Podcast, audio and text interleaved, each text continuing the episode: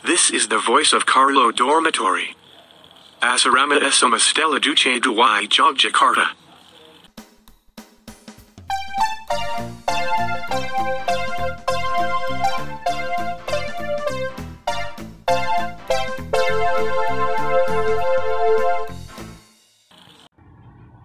Salam Tarakanita, satu hati, satu semangat Tarakanita, yes. Salam jumpa teman-teman.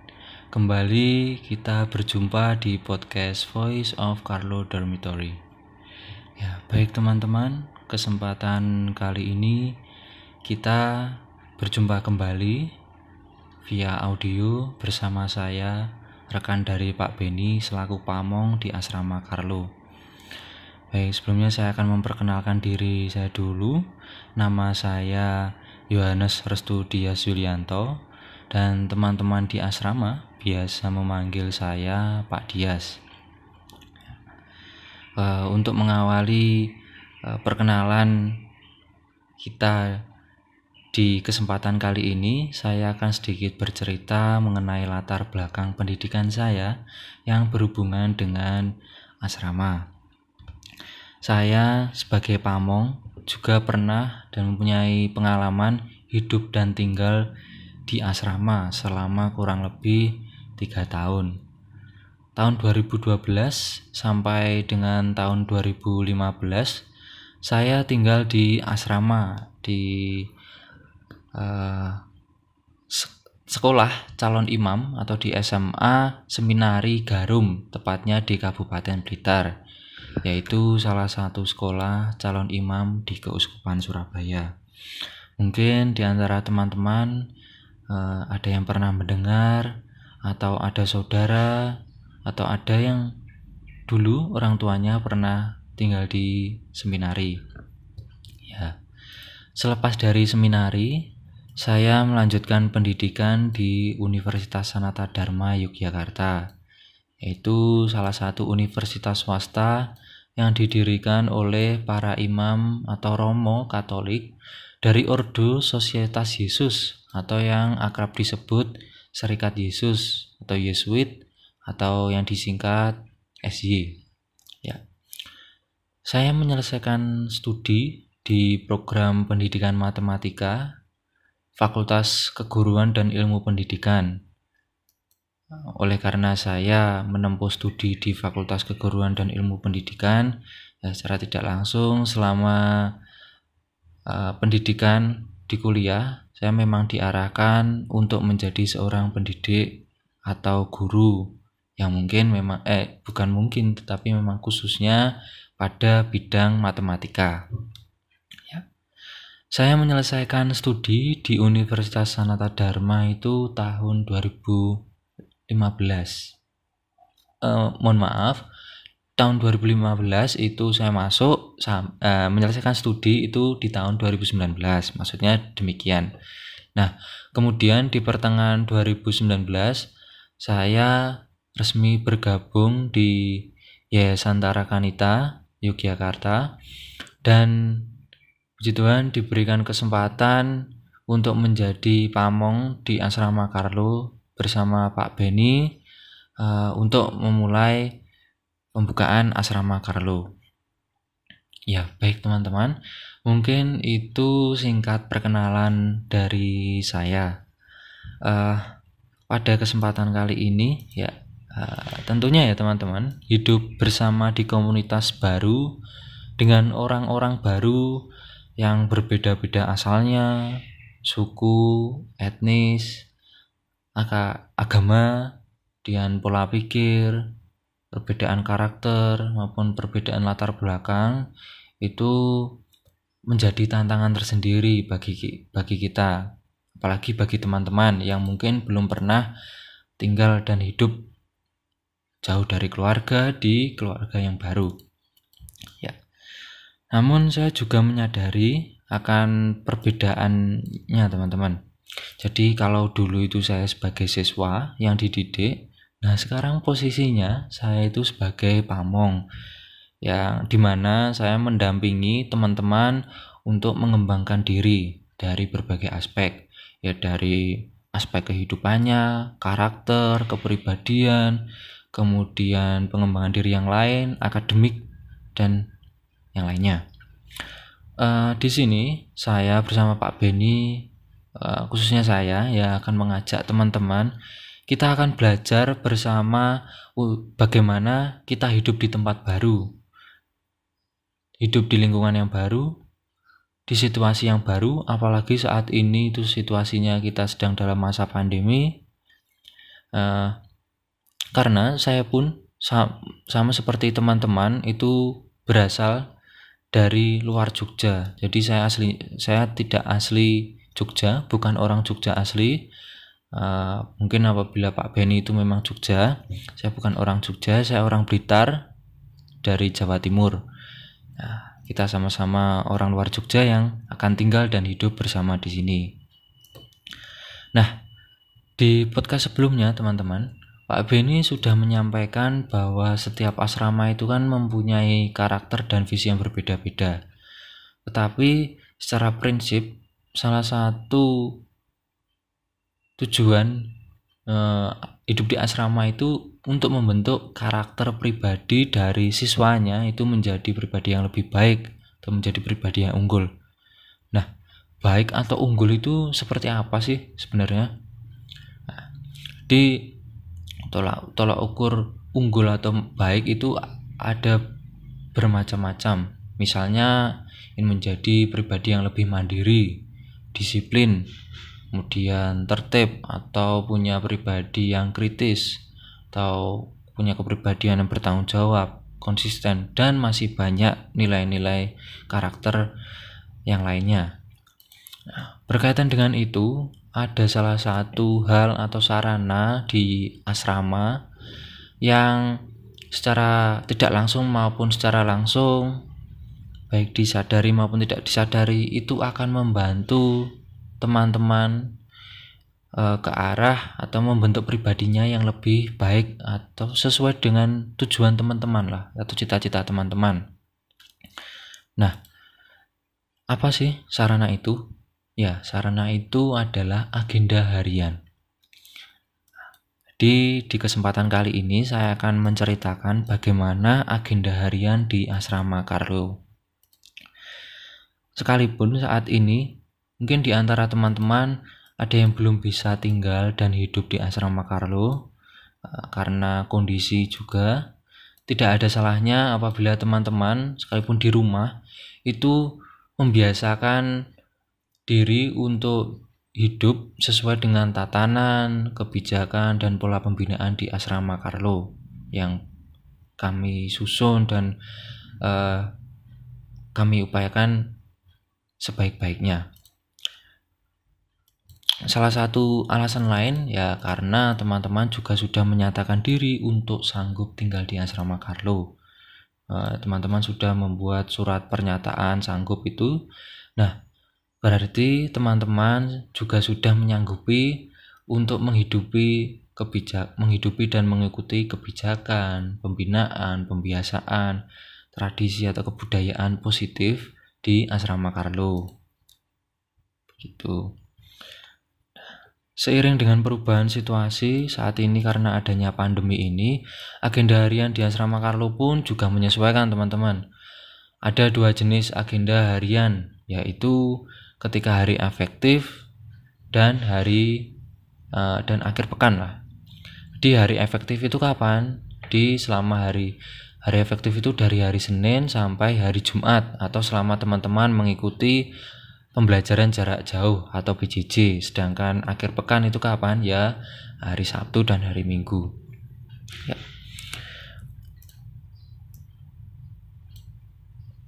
di hari efektif ya, kegiatan di hari tersebut dari hari Senin sampai Jumat itu relatif sama. Mulai dari bangun pagi hingga tidur malam. Selama pembinaan di asrama teman-teman wajib bangun pagi pukul 4.30 atau setengah lima pagi. Nah, di sini yang belum terbiasa, ya ayo kita sama-sama belajar mulai bangun pagi. Di asrama ada petugas ya dari siswa tentunya yang bertugas membangunkan teman-teman komunitas. Setelah bangun, selanjutnya kegiatan dimulai dengan mandi. Kami berikan kesempatan dari pukul 4.30 sampai pukul 5. Teman-teman harus bisa memanfaatkan waktu 30 menit itu untuk mandi secara bergantian dengan teman-teman yang lain. Di asrama Carlo ini telah tersedia sejumlah kamar mandi yang cukup untuk menampung kurang lebih ya 36 orang. Nah, setelah mandi, pukul 5 sampai 6 itu adalah kesempatan bagi teman-teman untuk melakukan aktivitas pribadi. Bisa seperti menyiapkan materi untuk sekolah atau PJJ, kemudian merendam cucian atau mencuci, sekalian mencuci atau men, men, se, menyetrika baju. Ada pula bisa teman-teman itu juga meditasi atau berdoa atau melakukan hal-hal lain yang bisa dikatakan aktivitas warming up atau pemanasan lah untuk mengawali rangkaian hari itu. Itu. Pukul 6 dilanjutkan dengan doa pagi. Teman-teman akan kami ajak untuk belajar secara bergantian belajar memimpin doa. Ya. Pukul 6.30 atau setengah 7 kita akan sarapan bersama, kemudian ditutup dengan doa dan dilanjutkan dengan mencuci perlengkapan makan masing-masing.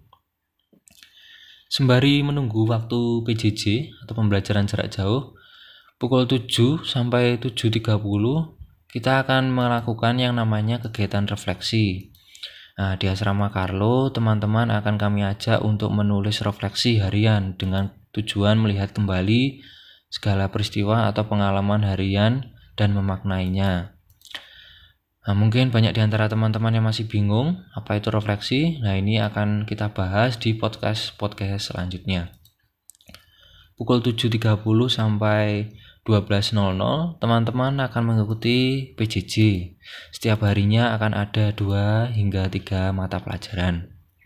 Nah, pukul 12 sampai 12.30 kita akan berdoa malaikat Allah atau doa Angelus sekaligus dilanjutkan dengan makan siang bersama teman-teman.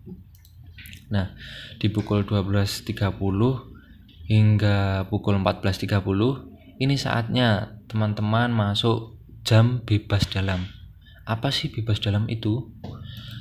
Bebas dalam itu adalah waktu di mana teman-teman boleh melakukan hal-hal apa pun selagi hal tersebut itu produktif dan positif. Tetapi masih dalam lingkungan asrama, jadi hanya boleh dilakukan di dalam asrama. Apa saja yang biasanya dilakukan teman-teman di asrama ketika jam bebas dalam. Nah, teman-teman bisa menggunakan untuk istirahat, jadi tidur lah, atau ya setidaknya membaringkan badan. Rehat setelah kurang lebih 4 jam tegang di depan laptop mengikuti PJJ. Atau bisa juga untuk melanjutkan kembali tugas-tugas atau mempelajari materi-materi sekolah. Atau mungkin teman-teman ingin mengembangkan diri dengan bisa mengikuti kursus online, kursus digital, atau otak-atik laptop, membuat website atau blog, membuat tulisan di blog asrama atau blog pribadi, atau bisa juga mencuci baju, menyetrika baju, atau kegiatan lain. Prinsipnya di jam bebas dalam ini teman-teman ditantang untuk bisa mengelola waktu demi memenuhi kebutuhan pribadinya termasuk mengembangkan diri, mengurus keperluan pribadi, dan beristirahat. Ini yang juga tidak kalah penting, apalagi di saat ini yang masa-masa krisis kesehatan itu. Nah, di pukul 15.30 hingga 16.30, teman-teman akan mengikuti yang namanya opera atau kegiatan bersih-bersih asrama. Kenapa? Karena asrama itu kan merupakan tempat tinggal jadi tidak mungkin kita membiarkan begitu saja. Kalau dibiarkan begitu saja pasti akan kotor. Sehingga kita tidak nyaman untuk beraktivitas. Demikian pula dengan teman-teman yang di rumah. Nah, membantu papa mamanya, ayah ibunya untuk beres-beres rumah, membersihkan. Nah, jam 16.30 sampai pukul 17 itu teman-teman bisa memanfaatkan waktu untuk olahraga, bisa fitness, work, workout di dalam asrama ataupun nanti kita akan sesekali berolahraga di lapangan sekolah maupun lapangan asrama putri ya. Tuh. Nah, pukul 17 hingga 17.30 atau jam 5 sampai setengah 6 sore itu teman-teman diberi kesempatan untuk mandi sore bersih-bersih. Nah, pukul 6 sore sampai 8 oh mohon maaf, mohon maaf pukul uh, setengah 6 atau 17.30 hingga 18.30 nah di sini teman-teman punya kesempatan untuk studi. Jadi teman-teman ada jam studi sore atau jam studi yang pertama. Nah, kemudian pukul 19.00 hingga 19.30 kita akan makan malam bersama.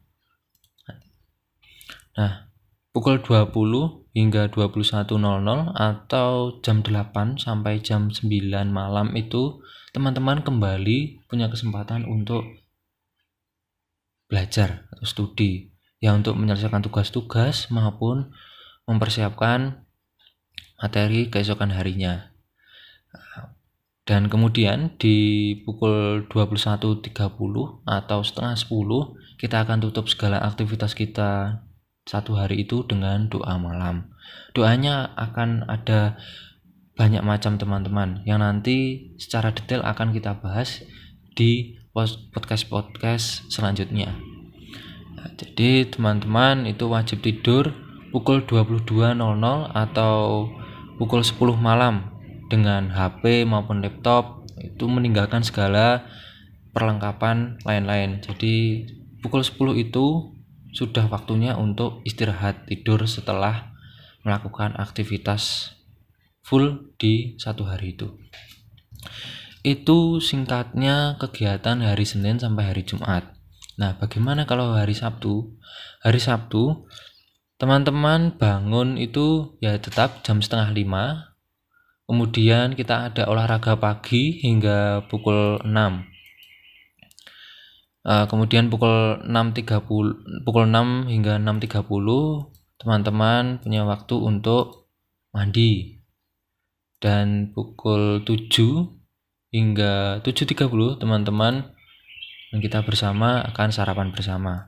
Nah, selanjutnya pukul 8 hingga pukul 9.30 teman-teman akan kami ajak untuk mendalami iman. Jadi kita akan mengikuti pendalaman iman bersama. Nah, di pukul 10 hingga 12.30 12.30 itu teman-teman uh, bagi yang ada di asrama, tentunya ada di asrama selama masa pandemi ini akan mengikuti masuk dalam jam bebas dalam jadi semula itu ambulasi, tetapi karena adanya pandemi, jadi untuk ambulasi atau jalan-jalan keluar asrama itu itu sementara ditiadakan dulu. Jadi tetap bebas namun berada di dalam asrama. Pukul 12.30 hingga pukul 13 teman-teman punya kesempatan untuk makan siang bersama. Nah, pukul 13.30 hingga 14.30 teman-teman kembali punya kesempatan untuk melakukan bebas dalam. Nah, di sini teman-teman selama bebas dalam itu bisa untuk berkomunikasi lagi dengan orang tua atau berkomunikasi dengan teman-teman di luar dalam arti yang berada di luar asrama teman-teman baru begitu atau teman-teman bisa melakukan pengembangan diri yang lain mengikuti kursus atau kalau jenuh ya bisalah untuk memanfaatkan waktunya sedikit waktunya untuk bermain game bersama. Tentunya sebisa mungkin game tersebut menunjang kemampuan teman-teman, produktivitas teman-teman. Pukul 15.00 hingga 15.30 eh, teman-teman akan kembali untuk melakukan opera atau bersih-bersih.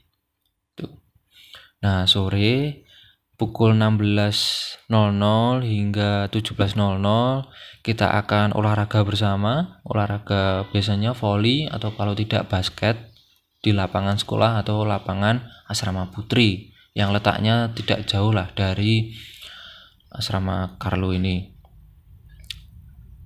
Begitu. Sabtu sore pukul 18.00 hingga 18.30 itu ada yang namanya JOS atau jagongan Sabtu sore. Nah, di mana ini jagongan itu kalau dalam bahasa Indonesia adalah uh, duduk bincang-bincang. Jadi antara pamong dengan siswa semua komunitas itu saling berbincang-bincang ya membincangkan apa pun lah yang ingin diperbincangkan. Mungkin dari uh, tentang kehidupan bersama ataupun kesulitan kehidupan bersama. Nah kita akan berbincang-bincang di situ.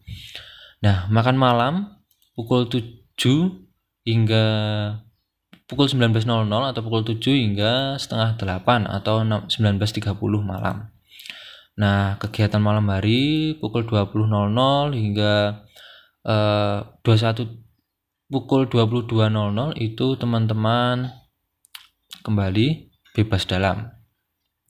Dan perbedaannya hari Sabtu itu tidur teman-teman boleh uh, sedikit lebih uh, lebih terlambat yaitu pukul 22.30 dan di sini teman-teman menutup hariannya itu dengan doa masing-masing.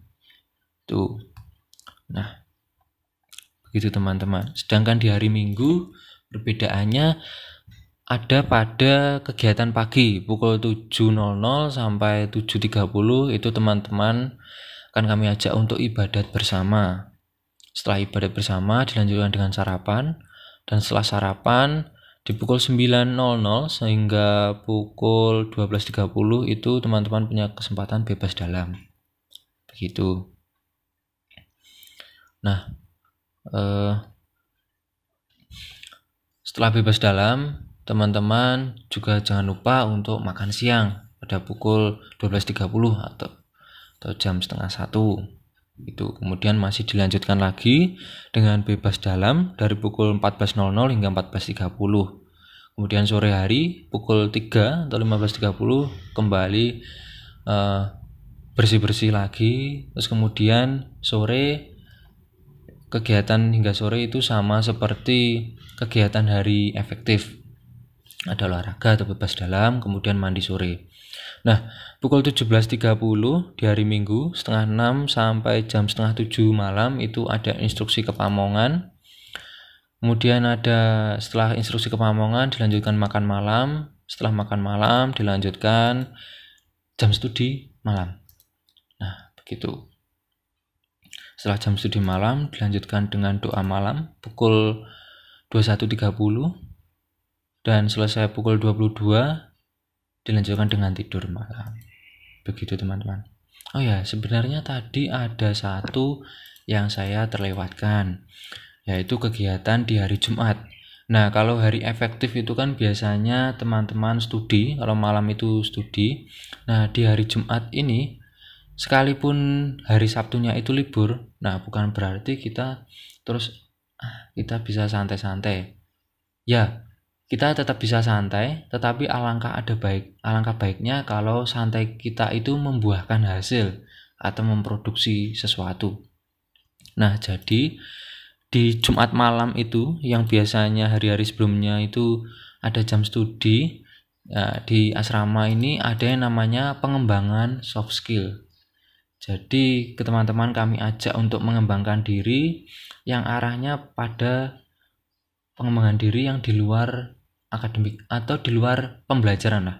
Bisa mengembangkan diri atau mengembangkan kemampuan dalam hal editing video kemudian editing uh, foto atau desain grafis yang lain. Mungkin teman-teman ada yang sudah pernah belajar mengenai SketchUp atau AutoCAD yang digunakan untuk mendesain atau punya cita-cita nantinya punya cita-cita ke arah arsitektur atau teknik sipil. Nah, teman-teman bisa uh, menggali diri. Kita teman-teman akan diajak untuk belajar ke sana. Cara itu. Di pengembangan soft skill ini sebenarnya ada empat empat jenis yang mungkin secara detail akan dibahas pada podcast selanjutnya. Yang pertama itu ada sidang akademi, kemudian ada jam menulis, ada jam membaca, ada jumpa tamu. Nah, yang terbaru ini adalah pengembangan diri secara mandiri. Gitu, teman-teman. Nah, jadi ini penting apa? Karena pengembangan diri itu untuk membekali teman-teman yang nantinya punya kemampuan lebih supaya menjadi bekal nantinya ketika akan masuk perguruan tinggi atau akan bekerja. Oke, baik teman-teman.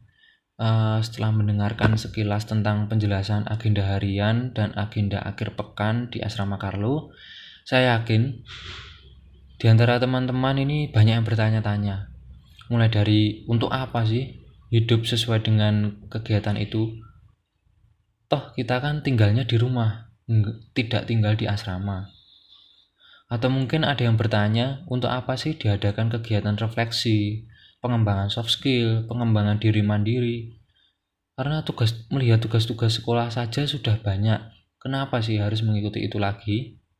Nah, dan mungkin masih ada banyak pertanyaan yang lain yang lain lagi. Tenang teman-teman, tidak perlu khawatir. Kami akan berusaha memfasilitasi segala pertanyaan teman-teman, rasa penasaran teman-teman. Kami akan menjawab melalui podcast Voice of Carlo Dormitory. Uh, kami akan berusaha untuk tetap uh, mengupdate sesuai dengan request dari pertanyaan teman-teman. Jadi teman-teman tetap stay tune stay tune di tetap stay di uh, podcast ini. sampai belibet teman-teman mohon maaf karena belum terbiasa jadi kita sama-sama belajar lah termasuk kita membuat podcast ini juga sama-sama belajar Nah, jadi teman-teman jangan sampai ketinggalan uh, update kegiatan dari Asrama Carlo dengan mendengarkan podcast ini. Saya harap teman-teman sekalipun di rumah tetap menjaga kesehatan dengan menerapkan protokol kesehatan dan tidak lupa untuk tetap semangat belajar, uh, semangat untuk aktivitas yang lain jangan lupa olahraga makan makanan yang bergizi. Dan oke. Okay. baik begitu teman-teman. Uh, dan terakhir dari saya saya ucapkan terima kasih. Salam Tarakanita. Satu hati satu semangat Tarakanita. Yes